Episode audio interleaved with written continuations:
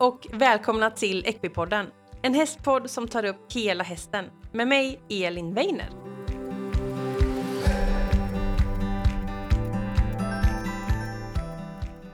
Hej alla fantastiska lyssnare och välkomna till veckans avsnitt av Equipodden. Det här är faktiskt lite tråkigt, för det här är sista avsnittet inför ett sommaruppehåll som jag tänkte ta. Jag eh, ser fram emot att ha lite ledig sommar. Jag ser fram emot att planera och göra massa roliga avsnitt och jag ser grymt mycket fram emot att komma tillbaka i augusti med nya avsnitt. Så jag hoppas ni också förstår en liten semester. Men vi ska ju ha ett avsnitt och jag är så glad för det här avsnittet. För idag träffar vi Elisabeth Vermeer som är dressyrdomare och hon har till och med kommit upp till den nivån som kan klassas som Grand Prix-domare. Och det här är ett så fullt avsnitt. Jag fattar inte hur mycket fick inte vi med på en timme? Eh, vi pratar lite om vad dressyr är, att dressyren är grunden och att alla kan vara med. Eh, vi får titta lite på de olika dressyrnivåerna. Vi tittar lite på lätt nivå, medelsvår nivå och svår dressyr. Vi tittar på hur man ska förbereda sig. Vi tittar på vad betyder de här allmänna intrycken och ryttarens inverkan som är på protokollet. Vi pratar om poängen på protokollet. Eh, vi ger tips till olika nivåer. Vi går in på vissa övningar. Alltså det är så mycket. jag älskar sådana här avsnitt som är peppade med faktainformation. Så jag hoppas ni tycker om det här, för här kommer Elisabeth Vermeer.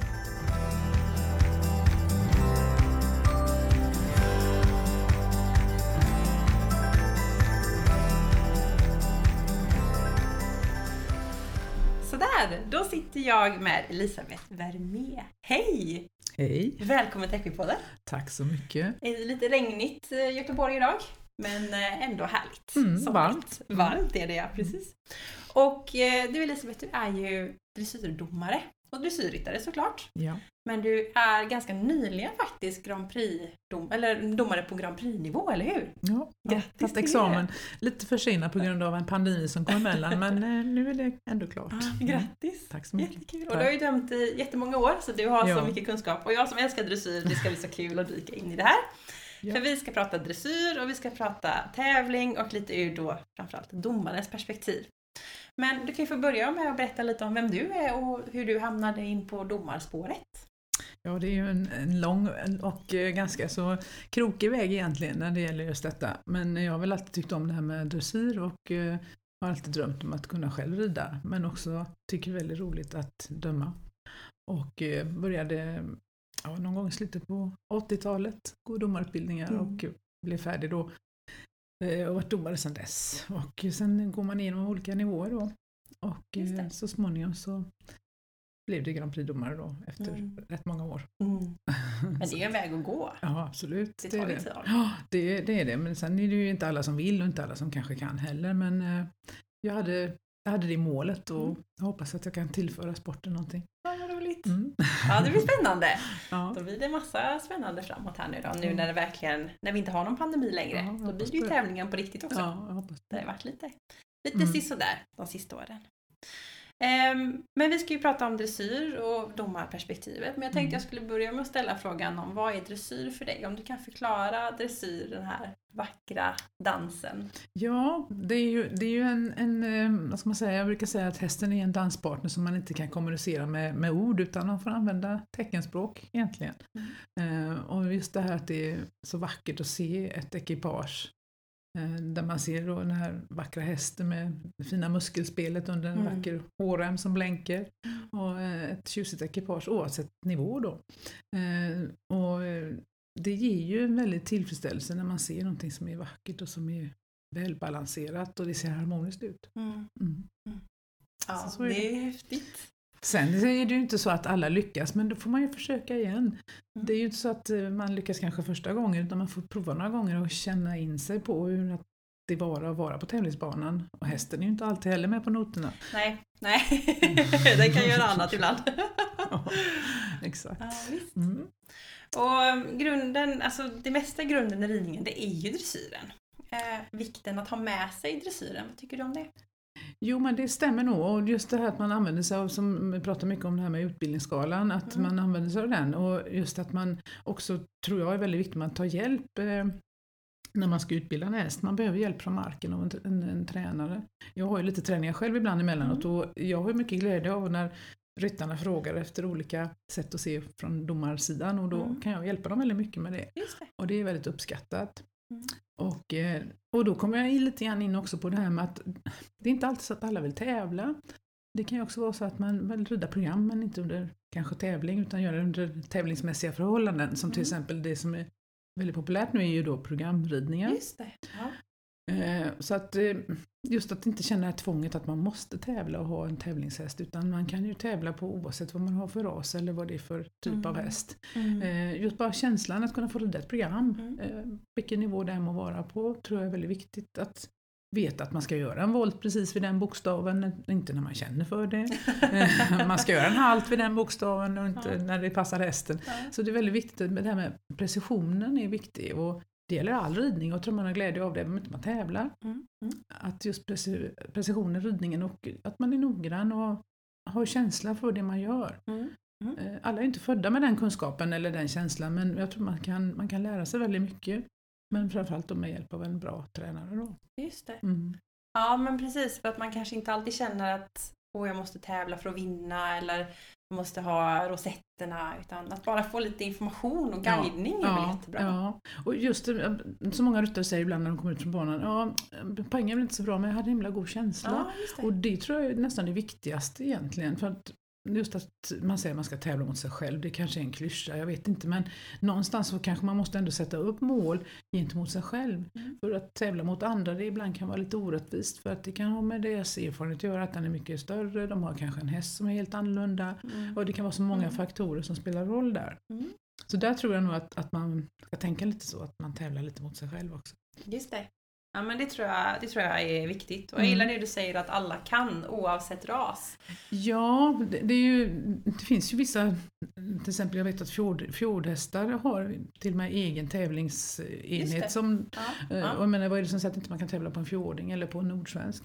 Eh, De kan också vara begåvade på sitt sätt. Sen Mm. kanske inte man alla kan rida Grand Prix på dem men vad är målet? Det måste man ju sätta upp själv. Och många är ju real- realister och kan se liksom att Mm. Jag kanske inte kan rida Grand Prix på en nordsvensk men jag kan komma väldigt långt i min egen utveckling ändå. Just det. Som sagt tävla mot sig själv Ja. se vad sa domaren om Ja, det här ja. och om det här. Och, Ja. Och just det, man ska ha roligt med sin häst också. Det ska vara kul. Mm. Man ska kunna njuta och det är det jag tycker också är med dressyren, att det ska vara en njutning också. Mm. Inte bara liksom en, en kamp eller Mm. eh, att man känner liksom att man ska ta sig igenom någonting som är svårt. Då får man gå tillbaka ett steg i så fall och börja om från början kanske och se vad var det vi gjorde fel eller vad ska vi rätta till. Och Mm. Framförallt att man är schysst mot hästen, det är ju väldigt viktigt. Just det. Och i dagens läge när det är ganska så påpassligt med just eh, ridsporten överlag så får man ju vara försiktig. Och det gäller ju även, alltså även om man har då stewarder och, och överdomare på tävlingar så gäller ju även liksom djurhanteringen även hemma i stallet och på träning också. Precis. Så det är inte bara på tävling som sånt gäller utan man ska vara noga med det att man är schysst mot sitt djur också. Det är Mm. väldigt viktigt. Just det. Inte bara när man har ögonen på sig Nej, så, utan precis. hela tiden. Ja. Ja. Så det är så många bitar som faller samman här på något sätt. Och det är ju min uppgift som domare också naturligtvis. När jag sitter och dömer kan jag naturligtvis inte se vad som händer på framridningen för det sköter ju överdomaren. Mm. Men man kan ju se saker inne på banan som kanske inte alltid är rätt och då får man ju kommentera det och Mm. kanske vägleda Mm. på ett bra sätt utan att vara dömande på det viset. Mm. Mm. Eh, sen kan ju det vara frustration när det inte känns bra och så att man bonkar till hästen men helst inte. Nej. Men alla är Precis. människor, man kan Ja. ibland så, så brister det ju och då, Men då kanske man inte har det här roliga kvar. nej precis. Så kanske man ska ta en paus. Ja, det kan vara mycket press också Ja. som man har från både föräldrar kanske som sponsrar med hästen eller man har kompisar som man ska vinna eller det finns så mycket annat också som Mm. spelar roll. Mm. Mm. Eh, Men där, där tror- jag tränarna har väldigt stor uppgift och det finns också många, många bra coacher vet jag som Ja. är ute och kan prata mycket om mentala biten också som Mm. är viktigt. Jätteviktigt. Ja. Jätteviktigt. Ja. Ja, det här ska Mm. bli så spännande. Ehm, vi nämnde lite utbildningsskala, vi kommer försöka prata lite om olika nivåer. Ehm, men jag skrev upp en punkt här innan eh, TR, Mm. tävlingsreglementet. Mm. Det är ju ändå grunden. Så jag tänker innan man Absolut. ger sig ut och tävla, Ja. vad behöver man ha koll på då? Ja, framförallt så är det ju så att för att kunna lösa licens så måste man ju ha genomgått en så kallad grönt kort-kurs, Mm. att man ska få ett grönt kort och då är det ju TR man utgår ifrån där. Och, eh, jag tycker ju alla ska kunna titta i TR med jämna mellanrum och uppdatera sig för där är det ju faktiskt så att eh, där står det vad som, vad som är tillåtet. Just det. Eh, så att det finns egentligen inte några frågetecken när det gäller det tycker jag. Eh, Många säger det att ja, ni domare ska ju kunna TR, men ja det ska vi, men inte utan till. det går inte. Det är alldeles för många paragrafer, det är ingen som kan. Men just att man kan ibland uppdatera sig även som ryttare, det tycker jag det känner jag själv när jag ryttar att jag, det är min skyldighet att kolla upp vad är det som gäller. Just det. Mm. Vi pratade om det innan också att varje rörelse är faktiskt beskriven i Mm, TR också. mm. Det kanske man inte tänker på. Nej. Vad är det jag ska göra egentligen? Ja, Vad ska en skänkelvikning se ut? Ja. Eller hur ska en piaff se ut? Ja, och det är ju i princip tian som är beskriven där. Sen finns det då vissa, naturligtvis faller bort vissa bitar då. Mm. Men jag tycker, det- är min sätt att se det, att varje ryttare som kommer in på medellinjen, den- ska ha en tia i pannan innan allting liksom händer då. Ja, För att man har det utgångsläget och Mm. försöker se liksom förtjänsterna och inte felen. Mm. Mm. Utan att man vänder på steken där och försöker ge bra kritik som är konstruktiv. Mm. Sen kan man ibland göra ja, dåliga kommentarer också, det gäller ju alla, men man försöker tänka så i alla fall. Att, att ge kommentarer som förklarar varför inte det blir högre Mm. poäng. Just det. För att ryttaren känner ju ofta när de får ett galoppnedslag i en, i en travökning, så det är klart det känner de ju, men man får ju ändå förklara varför man satte en, en, en fyra kanske, eller ett underkänt betyg då. Mm. Eh, och det, om man har en bra sekreterare så är det bra om man kan kommentera de flesta eh, poängen. Men eh, Mhm. många poäng talar för sig själv också i och för sig. Men eh, sex och ett halvt och neråt brukar vi ju försöka kommentera. Mm. Men det är ju roligt för ryttarna att få få kommentarer på de högre Ja, poängen. det är det Ja. roligt. Det är såklart Ja. jättekul. Eh, för man får ju, det står ju då på protokollet så är det ju alla rörelserna och så Mm. får man en siffra och så Mm. får man oftast en kommentar. Mm. Och det är det som på något sätt hjälper en framåt också. Sen är det Absolut. inte så mycket plats att vara formativ Nej, på. nej det, det är sant. Men man får inte skriva långa romaner. Man får tänka på den som skriver också, att den Ja. ska orka med en hel klass om man Ja. har rätt många starter. Och om man då får mycket romaner så blir det- ganska fort Ja. trött.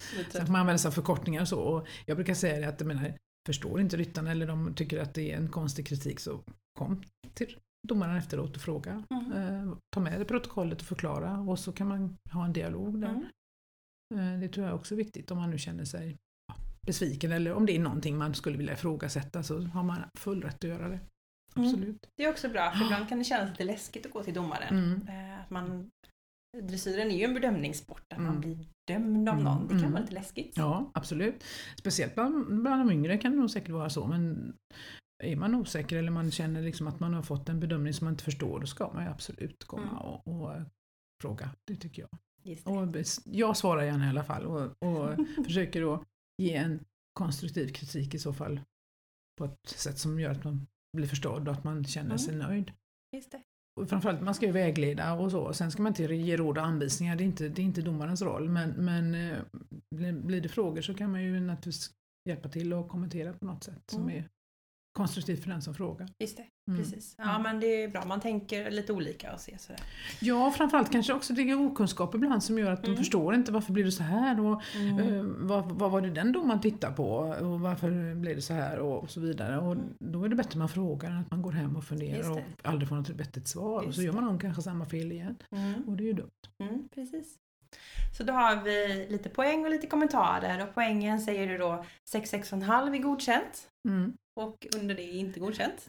Eller? Ja, alltså det, siffrorna har ju ett, ett, ett, så att säga, ett eget språk. Om man tittar TR så står ju alla siffrorna förklarade. Mm. Sen halvpoängen har ju tillkommit på senare år. De, Ja. de har ju inte funnits hela tiden. Men det är väl lite så att halvpoängen ska vara lite förmildrande kanske. Sen använder man inte halvpoängen kanske nere på 1 och 1,5 det gör man kanske inte. Men, men just mellan kanske 5 och 6, 6,5, 7, 7,5, 8, 8,5 kanske. Där använder man Mm. halvpoängen mer. Sen uppåt mer. eller neråt så blir det helpoängen för att det är Ja. så tydligt liksom åt vilket håll det bär. Just det.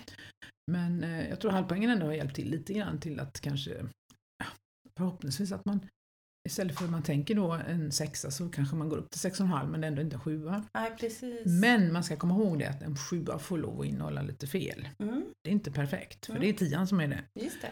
Så att eh, om hästen vickar lite på huvudet eller gör någonting som ändå det ser ganska bra ut i övrigt så kan man ju sätta en sjua utan att det är Mm. katastrof. Mm. Så man inte får fördöma för hårt heller. Sen ska, man, sen ska man naturligtvis vara ärlig, man kan inte sitta där och ge liksom glädjepoäng för Nej. det har ju ingen, ingen nytta av. Men just att man kanske tänker lite mera hellre fria än fälla. Mm. Väljer jag mellan två betyg så går nästan alltid upp. Mm. Om inte något katastrofalt händer då. Ja, men. Men försöka tänka så i alla fall. Ja, För ja. jag sitter ju där för ryttarens skull, jag sitter ju inte där för min egen skull. Mm. Utan jag sitter ju där för att föra sporten framåt Mm. och Mm, mm. försöka göra någorlunda vettigt jobb. För det, är ju- det är ju ett arbete man gör när man sitter där. Det är det. Det, är ju, även om det är väldigt roligt så är det, får man vara väldigt skärpt också. Mm. Och man, man släpper ju inte ekipaget med blicken så länge de är inne på banan. Eller jag gör inte det i alla fall. Nej.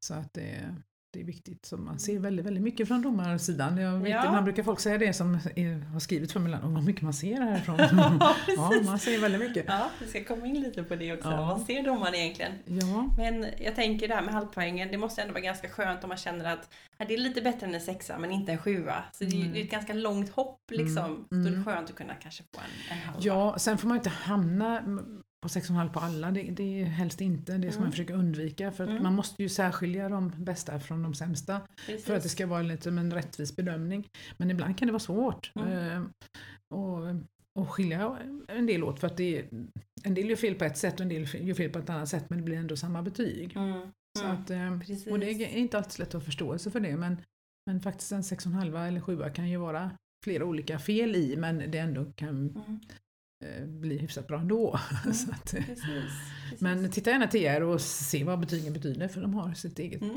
språk. Ja, Mm. man kan koda av lite. Ja, jo men de talar för sig själva lite grann Mm. tror jag. Precis. Absolut.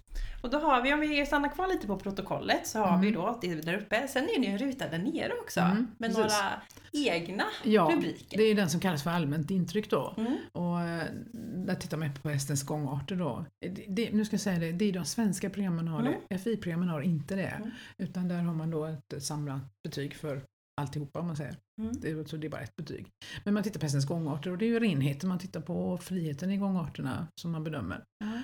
Och sen så tillkommer ju, eh, tittar man ju på svungen också Mm. eh, och framåtbjudning framförallt. Ehm, och sen tittar man ju lite grann på lösgjordheten också. Det, det är ju lite grann det här man återkommer till utbildningsskalan då. ja, precis. Och sen är det ju ryttarens sittshållning och i de svenska programmen, de flesta, så är det ju då koefficient 3 på det. Ja, så precis. den betyder ju väldigt mycket. Ja. Eh, så att ehm, där, får man där gör man liksom en sammanfattning av själva programmet. Och de poängen som man gör i allmänt intryck ska ju någorlunda överensstämma med de där uppe. Du kan ju inte ha liksom en häst som har fått en femma på, på liksom skritten och traven och, och galoppen liksom i, i ökningar och sånt. Då kan du inte sätta en åtta på precis. Det ska liksom Ja. överstämma lite grann. Va? Ja. Eh, så att eh, det måste man tänka igenom lite grann när man ser protokollet, att man snabbt ögnar igenom och ser vad man har legat på. Det vet man ju på ett ungefär ändå. Jo. Är man rutinerad så har man ju det i huvudet direkt. Men efter häst 20 så... ja. Och sen så gör man då en, en sammanfattning då längst ner och, och gärna lite positiva saker också, inte bara det negativa. Men Mm. man kanske kan förklara varför det inte blev så Just mer det. poäng och då kan man Just det. förklara det att jag önskar kanske lite mer bakbensaktivitet eller lätthet i framdelen för ett högre betyg. Mm, mm, Då kan ju mm. ryttaren visa det för sin tränare och gå hem och titta lite grann. Vad ska vi jobba med? Hur kommer vi dit? Ja, till Mm. exempel. Mm. Och i de lägre klasserna är det ju kanske inte så mycket samling man pratar om det utan då är det mera att hästen ska vara lydig och kanske gå i rätt form och, och man ska se att det finns liksom en, en, en mjukhet och lätthet. Det ska man se i alla klasser i och för sig men man tittar lite på olika saker. Och, Mm. Precis. Ja. Det är bra och det är såklart också till hjälp. Och koefficient betyder ju att man gångrar Ja, poängen då. Så får man en precis. femma gånger tre så blir Ja. det 15. precis. Kan bra. Det är bra. Vad förklarar jag? För det är koefficient är inte... Nej men det är så, ibland så Det är ett svårt ord. Ja, ibland så uttrycker man ju saker som man egentligen förutsätter att alla andra ska kunna och så är det inte alls så självklart. Precis. Det är lite yrkesskada tror jag. Ja men eller hur. Precis. Ja. Ja, och det är ju väldigt viktiga saker. Och, och just det här med ryttarens inverkan, det är ju, det är ju klart grunden. Har Mm. man en bra inverkan så blir det ju bra program, tänker jag. mm. Och är det så att man är ja, lite spänd själv eller nervös och hästen Mm. känner det, då, Mm. Då speglar det nog en del, eller vad tycker du? Jo men det gör det och, och jag, jag förstår det själv som jag själv tävlar så kan man ju bli lite sådär men herregud vad, vad är det för häst jag sitter på nu? Det var Ja. inte den jag hade hemma. Undrar varför? ja precis. Och det är ju säkert mitt fel då som ryttare. Och det, Ja. Man spänner sig. Men hästar är ju så känsliga, de kan Ja. till och med liksom uppfatta dina hjärtslag. Va? Och det är klart, nu är det någonting på gång och de är ju flyktdjur så att då spänner de sig också så är de beredda på att fly istället. Va? För att fullfölja programmet som egentligen skulle göra. Och det är ju mänskligt, alltså man har, man har en press på sig, man har ögon på sig, man ska prestera någonting. Och det är klart att Mm. nerver spelar roll då. Mm. Självklart. Mm. Eh, och det är inte så himla lätt att, att bara säga slappna av, för det är inte så enkelt. Vi kan inte lura hästarna Nej. tyvärr. Men jag tror att, eh, jag får en känsla av i alla fall, ju mer du är ute desto mer erfarenhet får du och kanske känner igen tävlingsplatserna och hästen Mm. känner igen tävlingsplatserna. Mm. Och då kommer man få kanske lite mera lugn. Och kanske heller inte gå upp för tidigt i klassen att man har för hög svårighetsgrad för då gör det att då blir man nervös för att oj, kommer jag klara den här skänkelvikningen det. eller kommer jag klara den här öppnan? Eller kommer jag klara det här bytet? Och så kommer nervositeten in där. Ja, Så att man tänker på att man känner sig färdig hemma innan man ger sig ut. Mm. Det tror jag också är ett tips kanske. Jättebra tips. För att det, det felet gör många, det gjorde jag också när jag var ung. Liksom, hej och ut och tävla. Så gick det ju sådär. Jag kan. Så, ja, det gick ju bra hemma. Nej, men så att det, det, det tror jag också är väldigt viktigt att man tänker på det. Att, att eh, försöka. Sen ska man inte hålla på hemma i all evighet och aldrig komma ut för det blir ju inte heller bra. Mm. Utan det är viktigt att man vågar sig ut och, och gör man lite fel, inte det hela världen, men, men eh, inte kanske gå upp för tidigt i klasserna och kräva för mycket för då kan det nog bli att man får bakslag. För man själv det. blir spänd och nervös och hästen inte kan prestera det man önskar. Just det, precis. Ja, men Mm. det är också ett jättebra tips. Ehm, Jag tänkte vi kunde gå in lite grann på det här, för nu har vi pratat lite inför, vi har pratat TR och liksom hur ett protokoll ser ut. Mm. Eh, Vi har touchat lite på utbildningsskalan, men jag tänker utbildningsskalan är ju grunden i Mm. hur vi utbildar våra hästar och vilken Mm. väg vi ska gå Mm. idealt. Mm. Eh, och då kommer vi in då tävlingsklasserna, vi börjar på de lätta klasserna, Mm. går upp i medelsvår klass och sen så upp i svår klass då. Kan du liksom koppla ihop utbildningsskalan lite och vad man tänker i de olika nivåerna? Ja, alltså till exempel i de lättare klasserna har man ju inte med samling så mycket. Däremot så tittar man ju på rakriktning, tittar man på även där. För, och det är kanske också ett begrepp som är väldigt svårt att tolka, för vad är rakriktning?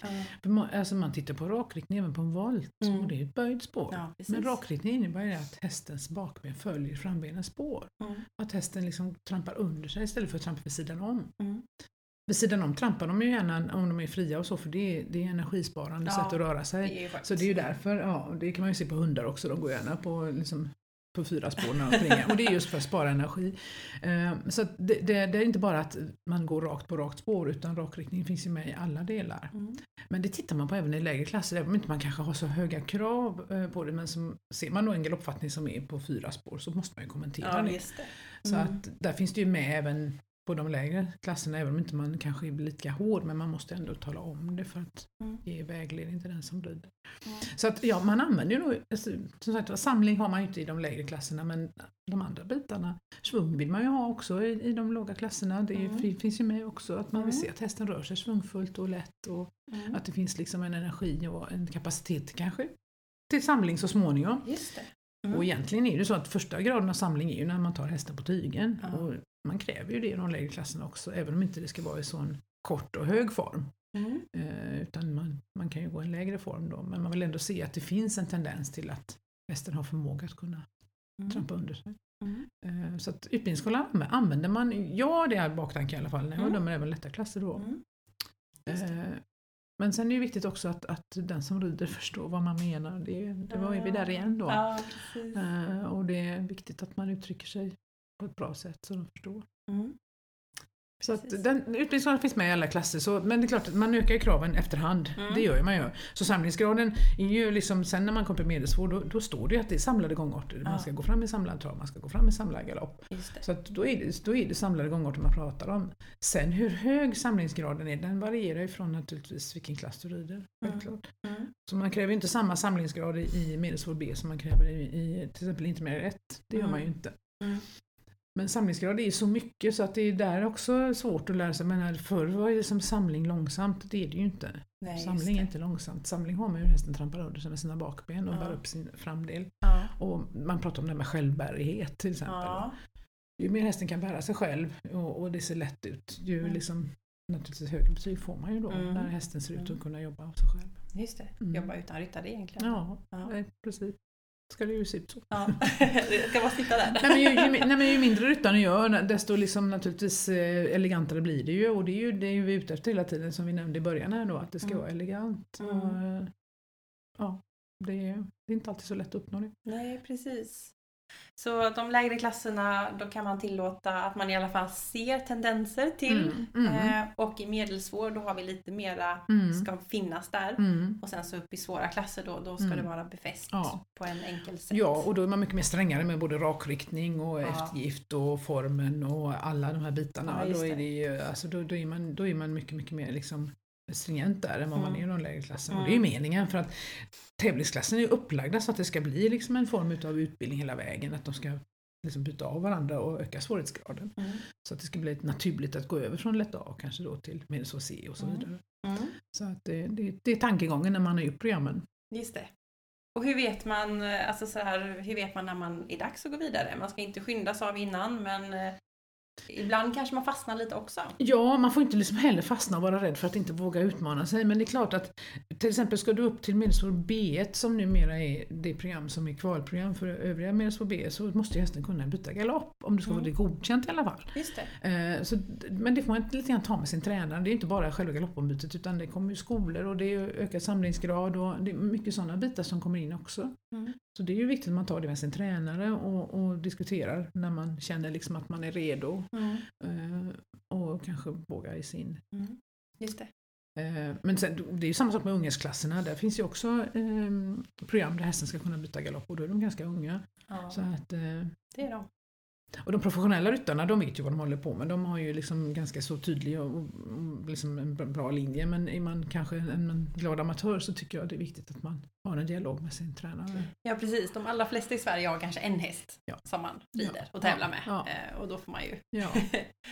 Och sen inte för glömma, det finns ju en bit också som faktiskt, eh, jag har dömt en hel del, det är ju ridskoleryttare som går de här Ja. dressyrspecial och så. Det. Och det är ju vissa ridskolor som har väldigt välutbildade hästar och duktiga ryttare. Så Mm. där är man också dömer ibland och då är det också väldigt kul att se utvecklingen Mm. där med. Jättekul. Så att, eh, sen är det ju så att visst, det är ju viss begränsning där naturligtvis för hästmaterialet kanske styr en del. Men eh, det får man inte heller glömma att ridskoleryttarna är ibland eh, duktiga på att tävla och Mm. det tycker jag också man ska hålla, framhålla, tycker jag. att det är, bara för att man har egen häst så kan man tävla ändå. Just det, Det var det jag ville komma till. precis. Man frågar sin ridskola vad man Mm. har för policy och sådär. Mm. Mm. Kul! Ja. Och, och sen så då man tänker, många kanske har koll liksom eh, lätt dressyr, medelsvår dressyr, men vad krävs för att komma upp till svår dressyr då?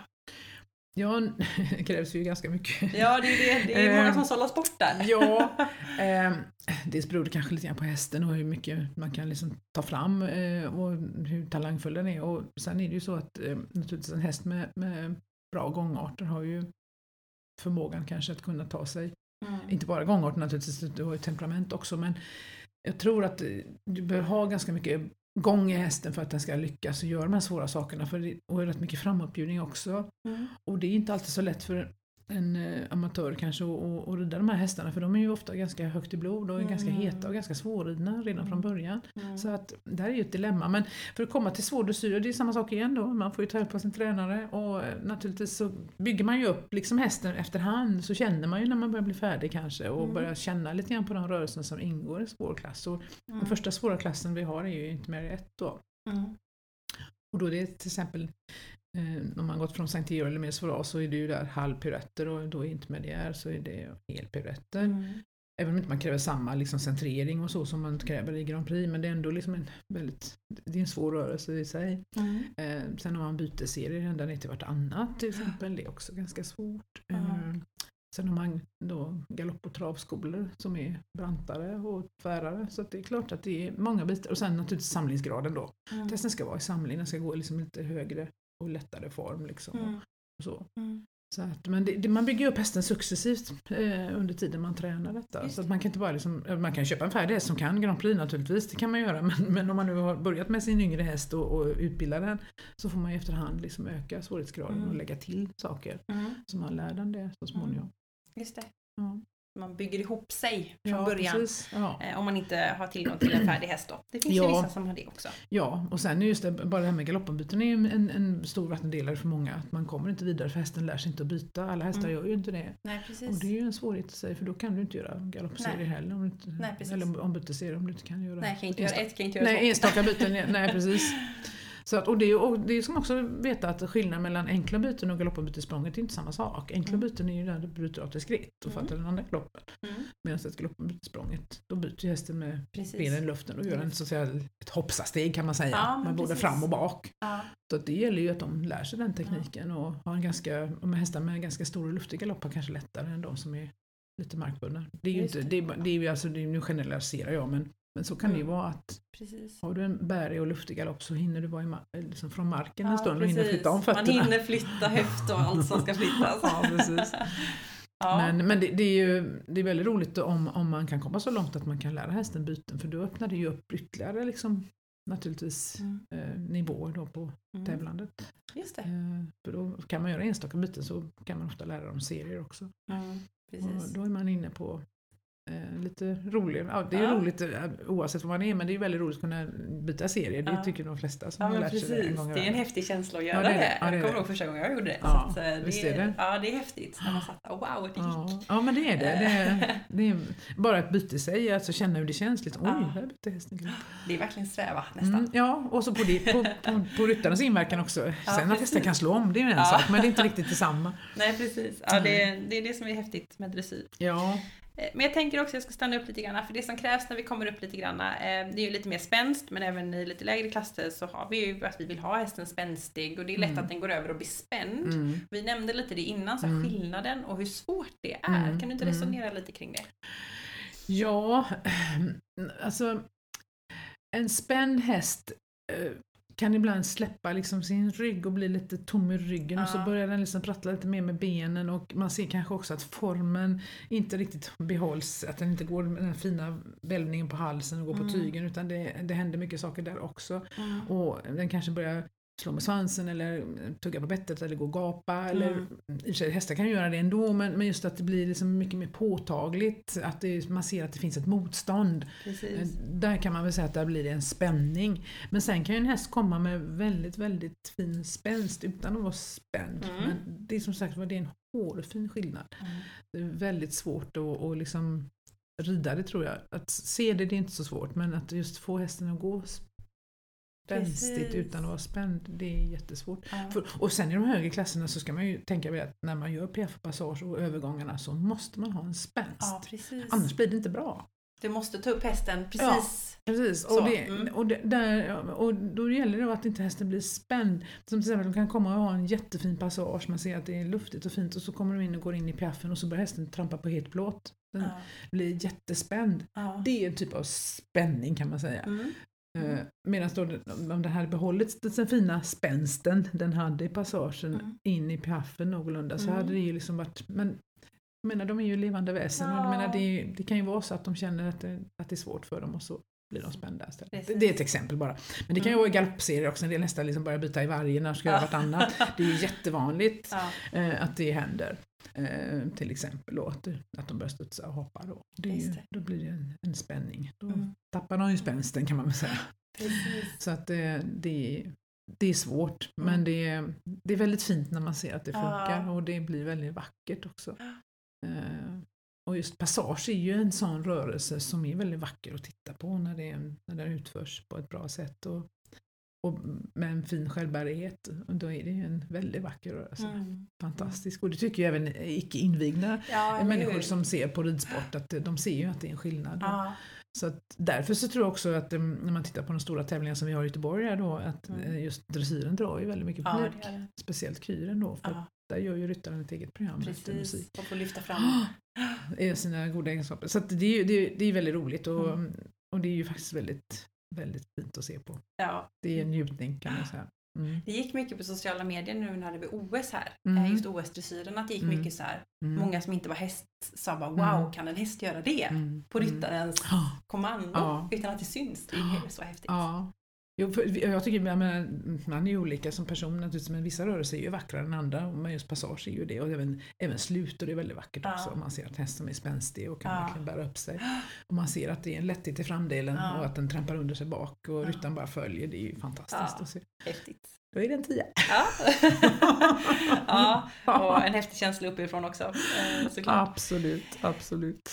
Kul, då har vi verkligen fått in massa bra saker här. Jag tänkte att vi skulle gå vidare lite granna och koppla lite till vad domaren egentligen ser. Mm. Eh, vad ser domaren i sitt perspektiv? Och I vanliga fall, om man tänker de flesta fall, så sitter ju domaren i centrum, så Mm. att vi inte. Mm. Domaren sitter, i, sitter i Mm. centrum. Mm. Eh, och då ser man ju framifrån. Mm. Men ibland så kan det också finnas program där man sitter vid sidan, eller hur? Mm. Mm. Men om vi börjar med den som sitter då i C. Vad ser man egentligen? Man ser allt. man ser allt. Är det så? Ja, man ser väldigt, väldigt bra. Eh, ja, men alltså det man... För det första så, det man börjar med då är uppridningen, man säger goddag och då är man ju på medellinjen och Mm. det är ju en, det är som att gå på lina, det är Ja. inte alltid så lätt. Ja. Det kan vingla hit och det kan vingla dit. Men, men eh, det är väl det att man tittar på hur hästen kommer in och att den är helst rak. Mm. Oavsett om det är trav eller galopp den kommer in i. Och just att den gör en halt som är mjuk och att den står stilla framför allt. Mm. Och inte vill gå bakåt och inte vill gå framåt och inte ska vifta med huvudet eller så. Ja. Så att halten ska ju vara en, en, en eh, inte för, för lång och inte för kort heller, men jag brukar säga att man ska räkna kanske ungefär till ja, fem, ungefär fem Mm. sekunder. Mm. Eh, och sen så kan man komma ur halten ganska så ordentligt då. Så Mm. det är ju en otroligt avslöjande rörelse, för den kan man liksom inte... Det, går det snett så går det snett. Ja. Ja. Eller kommer man vid sidan av medellinjen så gör man det. Det är inte så lätt att rätta till för då blir det vingligt. Eh, Så det är en svår rörelse, så den brukar jag säga till i alla fall elever som tränar för mig då att träna den ofta och mycket, för den är svår. Framförallt också är det ju så att hästen då helt plötsligt så kanske den blir rädd för domarbordet. ja, precis. Eller är, blom, ja, det är blomkrukor och det är prasslar med papper och det kanske är en väldigt vacker duk som hänger ner. Så där kan man också få, eller, det, eller ibland sitter ju domaren i transport Ja. och en del hästar tycker inte om transporter så står de precis. emot det. Ett svart hål. Ja. Eh, bilar brukar inte reagera så mycket på. Det är Mm. faktiskt det jag ser minst när jag har Mm. suttit i bilar och dömt. Mm. För det är som att vana vid hästar. Ja, precis. Men just eh, ett eh, domarbord med mycket blommor kan ställa till det för många. Sen naturligtvis så ofta, sen kommer då en, en travökning eller en mellantrav eller någonting sånt och så kikar man ju på det och det är ju påskjutet man ser. Mm, och-. Eh, när man sitter som domare C så ser man den ju ganska så bra på diagonalen. Men till exempel du kan sitta som domare H eller M Mm, och då kan du ibland se en ökning precis mitt bakifrån. Ja. Då ser du inte munnen och huvudet på hästen. Nej. Så det kan du aldrig bedöma. Utan då får man ju döma det man ser bakifrån. Mm. Och det är ju bakben och svansen och liksom rörelsemekaniken. Mm. Då får man ju titta på det. Mm. Så att när man är tre domare så har man lite olika uppgifter eftersom programmet ser ut som det gör. För alla program är ju inte helt symmetriska. Mm. Så då måste man ju tänka på det. Att nu ser jag den här öppna till exempel på den här långsidan ser Ja, jag bäst. Där får jag ha ögonen liksom. Ja, Så att eh, det är också någonting som kanske inte alla ryttare tänker Nej. på. Och sen ibland kan man då vara placerad på långsidan Ja. och då ser man på ett helt annat Ja. sätt. Och då kan poängen skilja mellan kortsidedomarna och långsidedomaren. Mm.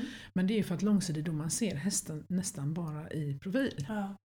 Den kan ju inte alltid se kanske om du har en travskola på en diagonal. Ja, man kan ju se liksom hur hästen bär sig och, Ja. och, och så. Men du ser ju inte böjningen alltid. Va? Nej. Men då får du lämna det till de domarna som ser böjningen. Just det. Och så får du titta på andra saker. Mm. Så, att det, mm, så det gäller att man eh, vet liksom sin roll i den positionen man sitter. Ja. För att ge ryttaren en rättvis bedömning. Ja. Ingår det liksom i att man pratar ihop sig innan eller liksom ingår det i grundutbildningen? Att man Ja, liksom... det kan man väl säga att det ingår. Eller Min det domarutbildare Lars Andersson då, han säger det i alla fall att ni har olika roller och det ska, ni, ska, ni ska sköta den uppgiften ni har. Men naturligtvis ska man se hela programmet, självklart. Men, men man, ska inte, man kan ju inte kommentera sånt man inte ser. Nej, Om en häst går och gapar och du ser det mitt bakifrån, det Ja. ser du ju inte. Det Nej. kan du inte kommentera. Nej. Då är du inte rättvis. Nej, precis. Kan ju inte gissa. Nej, nej. Så att det, det, sådana saker till exempel då får man tänka på också. Och sen någonting som till exempel publikdomarna, vad du kan kalla dem, de som sitter som Ja, publik och säger hur kunde den hästen få sig så mycket poäng eller hur Ja. kunde den få så lite? Ja. Det är att de, de ser inte hela protokollet. Till exempel övergångsbetygen syns ju inte. Men till exempel i en travökning i Sankt Georg så är det övergångar också. Ja, just det. Övergången innan och övergången när du kommer till, tillbaka liksom att, eh, Ja. från, från ökningen. Den bedöms ju också. Det är ett Mm. betyg som inte syns men det finns ju med på själva protokollet. Ja. Men det tänker man inte på. Och det, Nej. missar man en övergång så kan man ju falla i poäng eller gå Ja, upp i poäng om den är bra. Precis. Så att det, och det gäller ju även eh, till exempel i pepparpassage som man har övergång. Mm. Eh, Det är ett övergångsbetyg. Ingår det? Ja, det, och det är mycket övergångar över, överlag i många program. Så att, eh, Mm. man, det, det tänker man inte alltid på när man sitter som, som så säga, eh, publikdomare. Precis. Men det, det kan ju vara lite svårt Det kan skilja ibland, rätt mycket ibland. Ja. Ja. Mm. Inte, bara, vara- inte bara övergångarna menar jag, men, men just att det är ett betyg som inte syns kanske Just det. själva rörelsedelen. Mm. Mm. Men när du säger det så tänker man på det, för vissa program är väldigt sådär lite straightforward, typ att ja, men den här linjen är ett poäng, men ibland Mm. kan en linje vara två poäng för Mm. att det är något Mm. däremellan Mm. och sådär. Mm. Så det, det kan man inte alltid koll på Nej, precis. om man sitter bredvid. tänker Nej, precis. Och, det, det, och som sagt det finns ju också en del ponnyprogram har liksom varenda liten meter ska man poängsätta. Va? Även Ja. om det bara är på långsidan en liten bit så ska den poängsättas. Så det tänker man inte på. Utan man ser bara som, ja men det var den böjningen där och den halvcirkeln och det enkla bytet. Ja men det Mm. var en långsida där som också betygsattes. Så det, det är inte så lätt att veta när Nej. man inte är insatt i det kanske och så läst igenom hela programmet. Mm. Men det, det, är en- det är en bra sak att tänka på ibland om man tycker att ibland poängen ser konstig ut. Mm. Men eh, vi försöker ju, man, man försöker ju liksom ge en rättvis bedömning och vara någorlunda. Sen när, jag vet ju aldrig vad de andra domarna sätter för jag sitter ju för mig själv. Nej, utan det är först precis. efteråt vi vet om vi var jämna eller inte. Mm. Och är det ojämnheter eller vi har liksom skilda åsikter så diskuterar man ju igenom. Vad var det du såg som inte jag såg? Eller vad Mm, tänkte jag på som inte du tänkte på? Just Så man pratar igenom det hela och, och ser till så att, eh, ja, att det blir ett bra liksom, diskussion så att man till nästa gång kanske tänker på det och det och det kanske. och Sådär. Sen, ska, sen ska ju inte alla, po- alltså vi ska inte ha samma poäng för då, då kan vi lika gärna bara vara en, eller en domare. Ja, Det precis. behöver inte vara tre. Det är Ja. ju för att vi ser det från olika håll som, och det ger ryttarna mer. Och sen på mästerskapen är man alltid fem Ja, just det. domare. Då är det ännu fler. ja. Mm. Så att eh, det är, Ibland blir det skiljaktigt men det får inte skilja för mycket men ibland kan det göra det och då, Ja. får man, då får man fundera på varför gör det det Mm. och varför blev det så. Mm. Och det är inte alltid den domaren som är högst som har rätt. Nej, Det ska man komma ihåg. Ofta tycker Ja. man det. De, var, så stygga, Ja, de var så stränga. Men det kan hända att den här domaren som var högst kanske släppte igenom för mycket.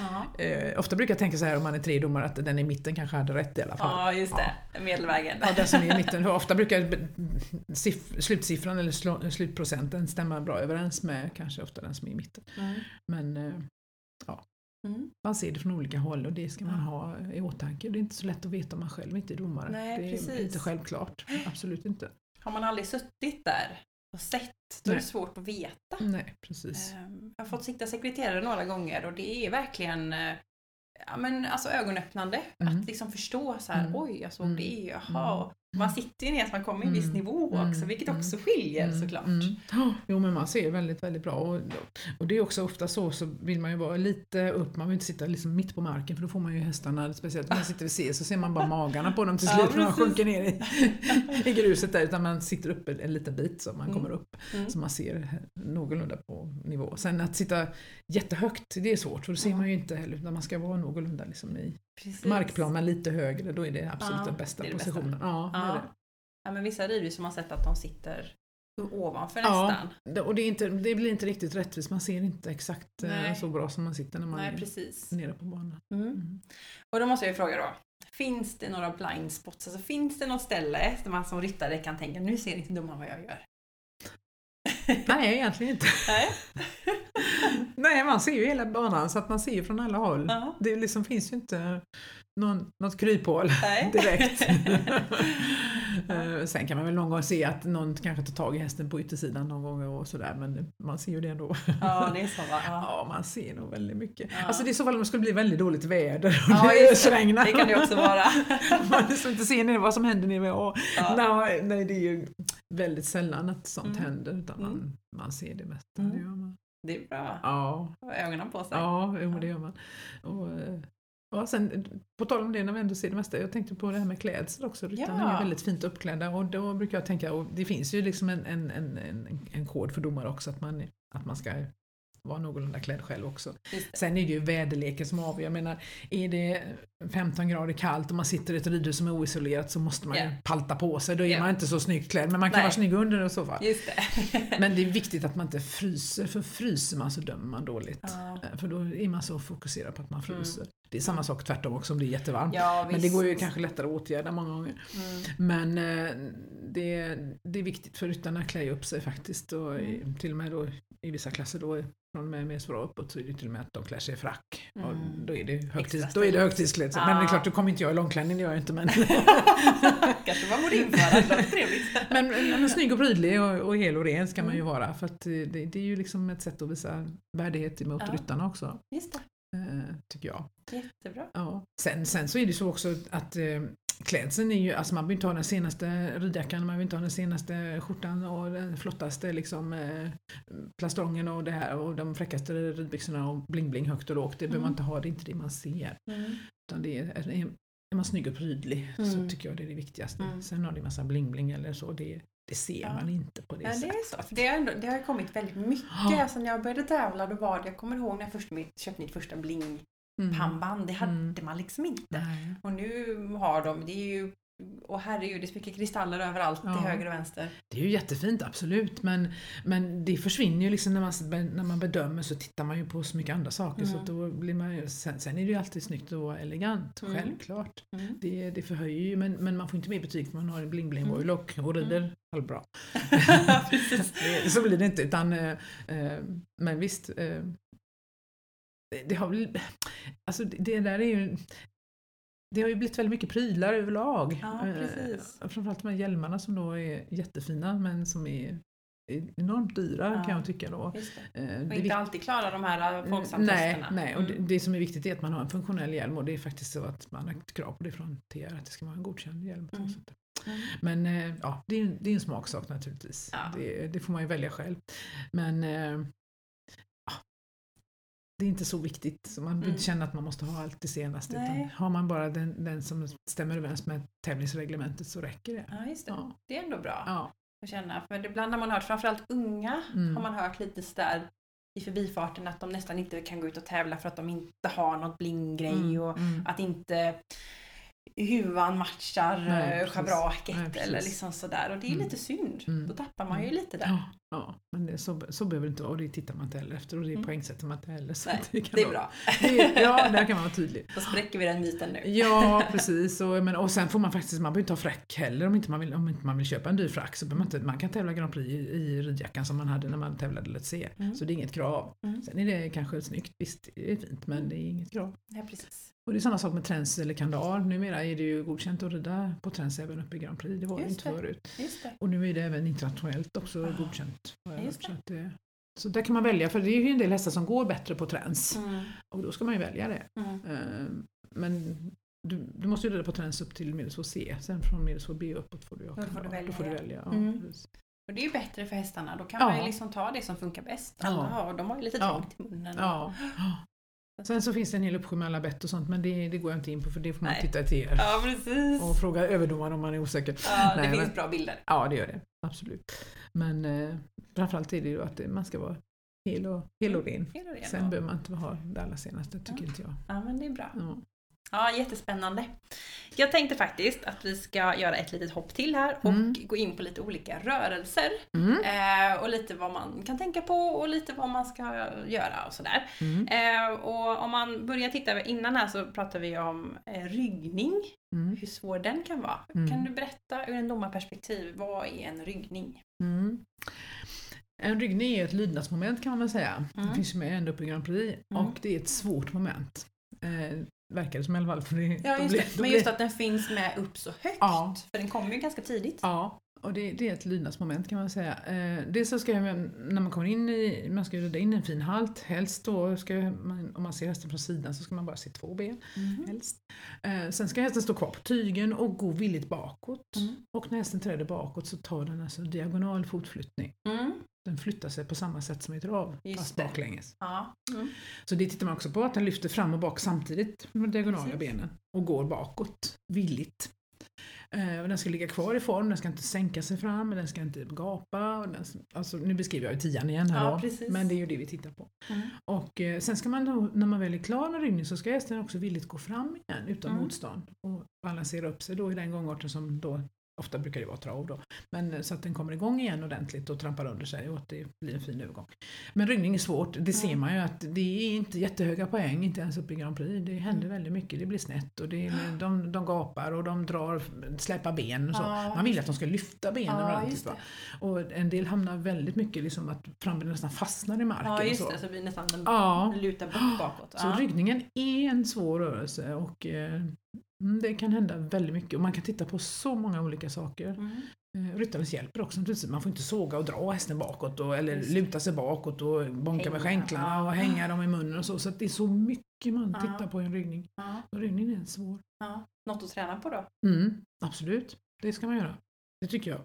Eh, för att det, ryggningen är också en, eh, vad ska man säga, när man utbildar hästar, nu finns ju inte framdelsvändningen med till exempel i programmen längre, men man använder ju den lite grann när man håller på och lär hästen Mm. kanske och är, den är ganska lösgörande. Och ryggningen och framdelsvändningen hänger lite grann ihop. Just det. Så att eh, det är ändå bra att kunna liksom, och det är bra att använda framdelsvändningen i lösgörande arbete kanske till exempel, även om inte den finns med som en tävlingsmoment. Mm. Så tycker jag den är underskattad. Jag tycker man ska använda den eh, och göra den på ett bra sätt naturligtvis. Mm. Eh, Så det hänger lite grann ihop där. Och, men som sagt ryggningen är ju i första hand ett lydnadsmoment. Mm. Det det. Och, och ett svårt moment.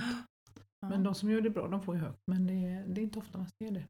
Just det. Och det är så här ifall man vet då, eller då, om man lyssnar på det här så tänker man okej, de flesta får lågt där. Då kan man ju verkligen få försprång om man gör en riktigt bra Mm. ryggning. Ja, och framförallt är inte ryggningen gångartsberoende. Just det. Så där har du en häst som inte har så stora gångarter och du kanske inte får så mycket på en travökning så kanske du kan göra en jättebra ryggning. Ja. Som, kan kanske ger, som kan ge en åtta Mm. fast du fick en sexa på travökningen. Så att det, det är också det ska man tänka på. Det är samma sak, halter inte heller gångartsberoende. Mm. Du står ju still. Mm. Eh, ryggningar. Eh, viss del av vändningar. Eh, det beror på i och Ja, sig. men ehm, man skiljer ju på bakdelsvändning och skrittpiruett och det beror på att i, eh, i bakdelsvändning så går hästen inte i samlad skritt Mm. utan den går ändå, då kommer man ju in liksom i mellanskritt och så vänder man. Eh, I skrittpiruetten så förbereder man ju med Ja, precis. samlad skritt, den utgår Mm. ifrån det. Men det är samma typ av fotflyttning och rörelse men, Ja. men det är olika bara. För Mm. del frågar mig mycket om det. Just det. Vad är skrittpiruett? Det är nästan samma sak fast du går från samlad skritt Ja. helst. Mm. Eh, Men det, eh, och bakdelsvändningen är ju mer en samlande rörelse. Den är, inte, ja, den är lösgörande på sätt och vis men inte riktigt på samma sätt som framdelsvändningen är. Eh, Men bakdelsvändningen är också viktig att kunna. Det är också ett lydnadsmoment och där Ja. händer ju också väldigt mycket. Man kommer inte riktigt runt och hästen går åt sidan och Ja. den trampar liksom Ja, rätt bak och så. För att, och det är ju, ja, och det är ju ryttaren, det är ju ryttarens inverkan som tyvärr gör att det blir så. Mm. Ibland måste hästen sätta ut ett bakben för annars välter den. Ja, men Nej, men för att ryttaren drar innertygerna. Visserligen är innertygen en vändande rörelse, eller vändande, själva vändande hjälpen i rörelsen men man får inte dra i den bara. Nej, precis. Bara för att. Det finns lite annat också. Ja, ja. Men det är ju sånt man får ta med sin tränare men, men man ser ju ofta att bakdelsvändningar är svåra också. Mm. Det är inte Mm. helt enkelt. Mm. Att hästen bara trampar runt sin egen baktill och går. Just det. Ehm, och det är ju, då, då tittar man på eftergift också, men de vara eftergiven innersidan innan den börjar vända till exempel och den ska trampa runt sin egen liksom, bakdel. Så det, är, det är inte helt enkelt och ryttaren ska sitta med i rörelseriktningen. Ofta ser man ryttare som hänger utåt och det är Mm. klart att det går ju inte då. Mm. Det blir ju liksom svårt att Mm. utföra det Mm. om man hamnar på fel sittben. Och det gäller även skolorna. En del ser jag ju sitter på fel sittben också i skolorna och då blir ju inte de så bra. Då Nej. hänger man på fel sittben och då blir ju balansen på ett felaktigt sätt. Just det. Just det. Så att, eh, det brukar jag kommentera ibland när jag ser det, att försöka sitta på rätt sittben eller om man får med det i, Ja. i kritiken. Det Just det, just det. Men det får hjälpa till liksom att, för att det ska bli rätt. Ja, just det. Men, eh, vi kan ju ta skolorna lite då. Vad tittar Mm. man på där och hur ska det se ut? Ja, ehm, det finns ju två olika skolor kan man säga, eller egentligen finns det ju tre. Mm. För att vi har ju öppna, det gör man alltid på ett rakt spår. Mm.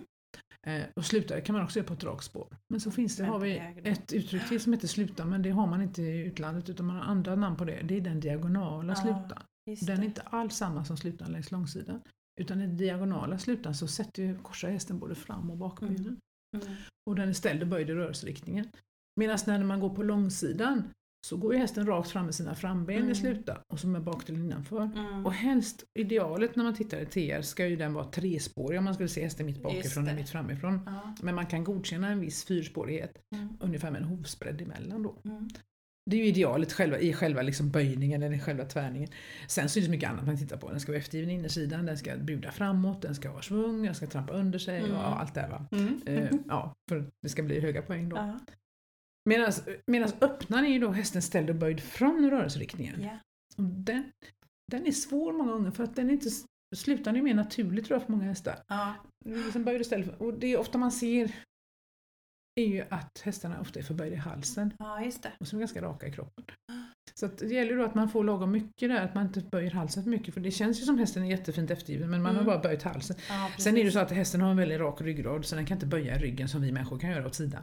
Mm. Utan det de gör är att de vinklar om i höften och i bogarna så ser Mm. det ut som den är böjd. Mm. Och den drar upp musklerna på insidan och sträcker ut på utsidan så blir det så det ser ut som den är som en ostbåge. Mm. Men det är den ju, alltså själva ryggen är ju inte böjd men, men resten är ju då. Mm. Så att det tittar man ju, det är ju eftergiften i första hand. Och det är ju det man kommenterar ofta för det är det som brister. Att Mm. man önskar mer eftergift i innersidan till exempel. Mm. Så öppnaren är ju väldigt bra att träna. Och det ska man komma ihåg också att skolorna hänger ihop med volten. Just det är därför det heter öppna och sluta. Mm. För öppnaren öppnar volten och slutan sluter volten. Mm. Det tänker man inte på heller att det är så. Precis.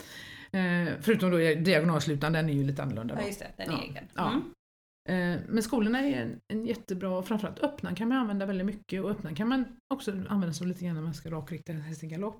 Man Mm. kanske inte kan rida öppna exakt i galopp men man kan tänka framdelen Ja, in. precis. För att få liksom lite grann om det är en bakdel som åker ja, in på en häst. lätt att göra det. Ja, va? så kan man Mm. försöka ta in ytterbogen och försöka liksom tänka lite grann att man, då kan man få dem att, att bli lite mera, att de spårar. Mm.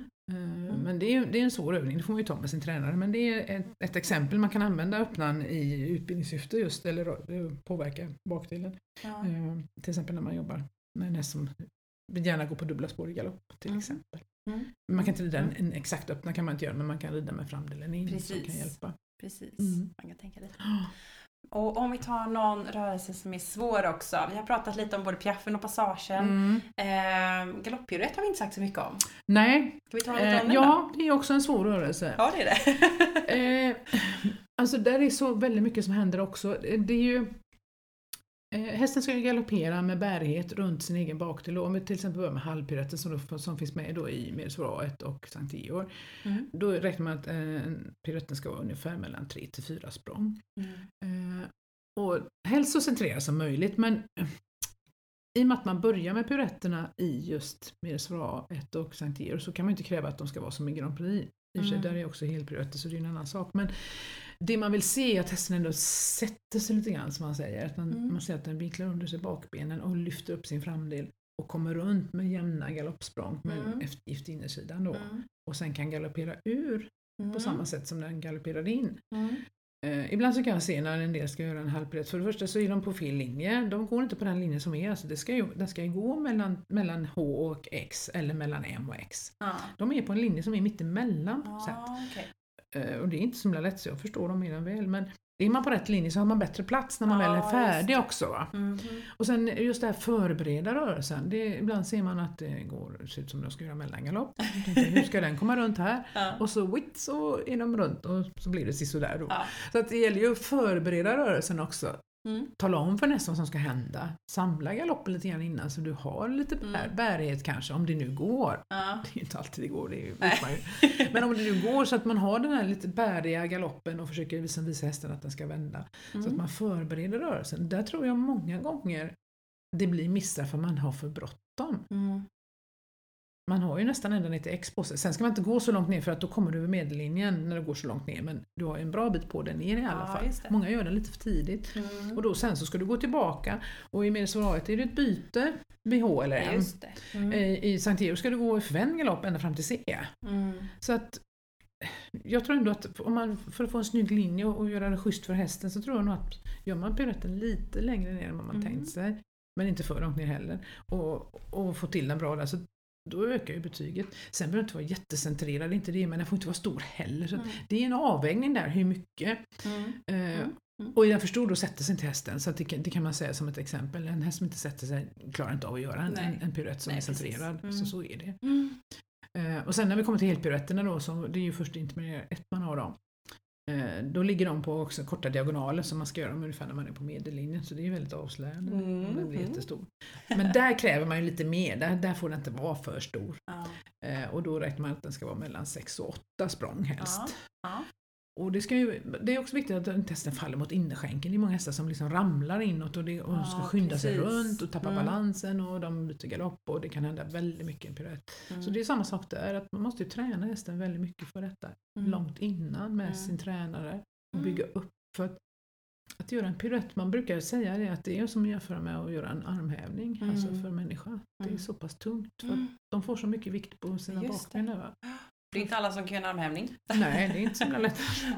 Så att man får tänka nu vilken enorm belastning det blir på hästen. Och, Vad mycket vi kräver. ja, Mm. och så har den ju en ryttare på ryggen också som helst ska vara i balans. Helst. Vilket man inte alltid är. Nej, men ofta på den nivån brukar många ryttare vara i och för sig. Så. Ja. Men, men det, är, det, är, det är en svår rörelse, eh, galopppiruetter. Mm. Men när man ser dem görs bra, då är de fantastiska. Ja, det är så fint. Ja, det är så vackert.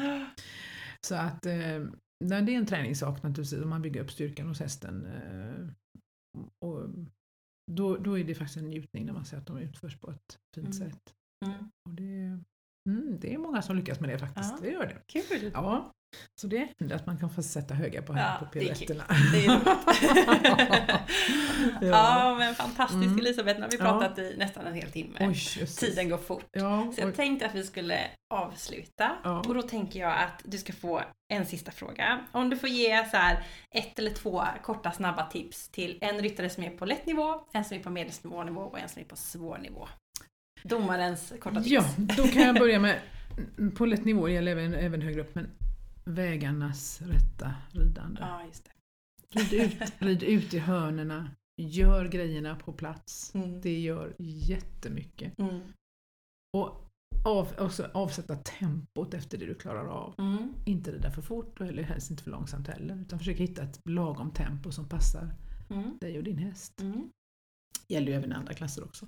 I medelsvår nivå, ja det är ju också precisionen kanske ännu lite mera Mm. kan jag tycka då. Och framförallt då att jobba mycket med att få travskolorna bra. Mm. Då tror jag man kan plocka mycket poäng för det är koefficient 2 på dem Mm. från medelsvår. Just det. Just I det. alla fall i de första medelsvåra. Mm. Så det, där tror jag också man kan, och, men det är mycket jobb att få dit dem men Ja. där tror jag nog man kan få väldigt mycket bra hjälp att få bra travskolor för det, där kommer man inte alltid upp i jättehöga betyg, tyvärr. Ja, precis. Så det är väl medelsvår B-ekipagen kanske. Bytena ofta brukar de flesta, när de väl har kommit dit så har de ju fixat bytena. Ja, så det är, det är inte det som är Mm. stötestenen ofta. Mm. Tror Har man knäckt koden som har Ja, gjort jag tror att det är Mm. faktiskt travskolorna där. det? Mm. Sen i svår klass, ja. Alltså, de ryttarna som rider svår klass är ju så rutinerade så Ja. att ge tips där, jag vet inte riktigt om jag ska göra det. jag är ute på djupt vatten men, men det är klart att man tittar ju på så mycket där och det är så otroligt mycket saker som händer i de programmen så att Mm. eh, de ryttarna som är där har ju säkert har otroligt mycket. Ja, jag Mm. tycker nog att jag tycker sällan jag ser liksom att man behöver göra tillrättavisning utan det är mer liksom hoppsan, där händer något. Eh, Så att eh, de, de är ofta så rutinerade och, och är så pass eh, duktiga så att eh, jag tror de har säkert väldigt mycket klart för sig redan när de går in i de klasserna. Just det. Det, det tror jag i alla fall. Mm. Man har gjort sina misstag såklart. Ja, ja, dels det och sen ja, ja, framförallt så, så är det nog så också att de, de, ja, de har lärt sig av misstagen. Sen också kanske det är att eh, de har ridit så pass länge också, hållit på länge och så man har en annan Mm. erfarenhet Just när det. man kommer dit upp. Just det.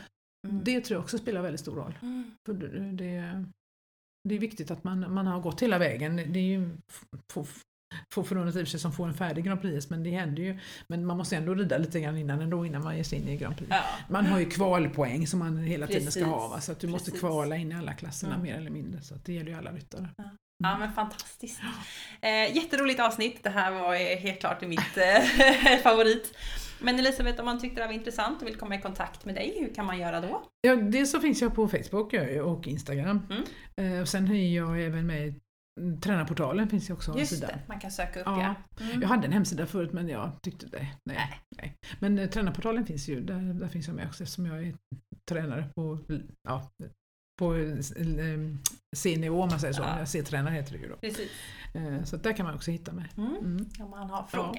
Ja, men Ja. fantastiskt. Då säger jag Ja. tack så jättemycket Ja, för att du ville vara med i podden. Tack så mycket för att jag fick komma hit. Fantastiskt kul. Sådär, då var säsongens sista avsnitt till ända. Och det var ju så bra. Det här vet jag kommer bli ett av mina favoritavsnitt som kommer gå varmt när jag ska tävla.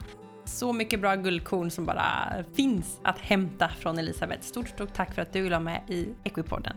Och våga gå fram nästa gång du har en domare och du har någon fråga. Eh, jag vill tipsa om att följa Equipodden på sociala medier. Där kommer jag vara aktiv under sommaren. Eh, så Instagram och Facebook som gäller. Och nu när du har lyssnat får du jättegärna lämna en recension eller ett omdöme där du har lyssnat på podden så att fler kan hitta till Equipodden och lära sig mer om sitt intresse, hästar och ridsport. Jag vill önska dig en fantastisk sommar, tid att lyssna i kapp lite avsnitt, eh, tid att vila, tid att umgås och så kommer jag komma tillbaka i augusti med nya spännande avsnitt. Och redan nu så vet jag att det är dressyrdomare, det är galopptränare, det är eh, PT, det är mentalt. Alltså det är så mycket bra grejer som kommer komma. så att eh, håll ut den som väntar på något gott, eller vad säger man? Ja, ni får ha det så himla bra hörni och stort, stort tack för att ni väljer att lyssna på Equipodden. Det betyder så mycket för mig. Då får ni ha en trevlig sommar så hörs vi i augusti igen. Hej då!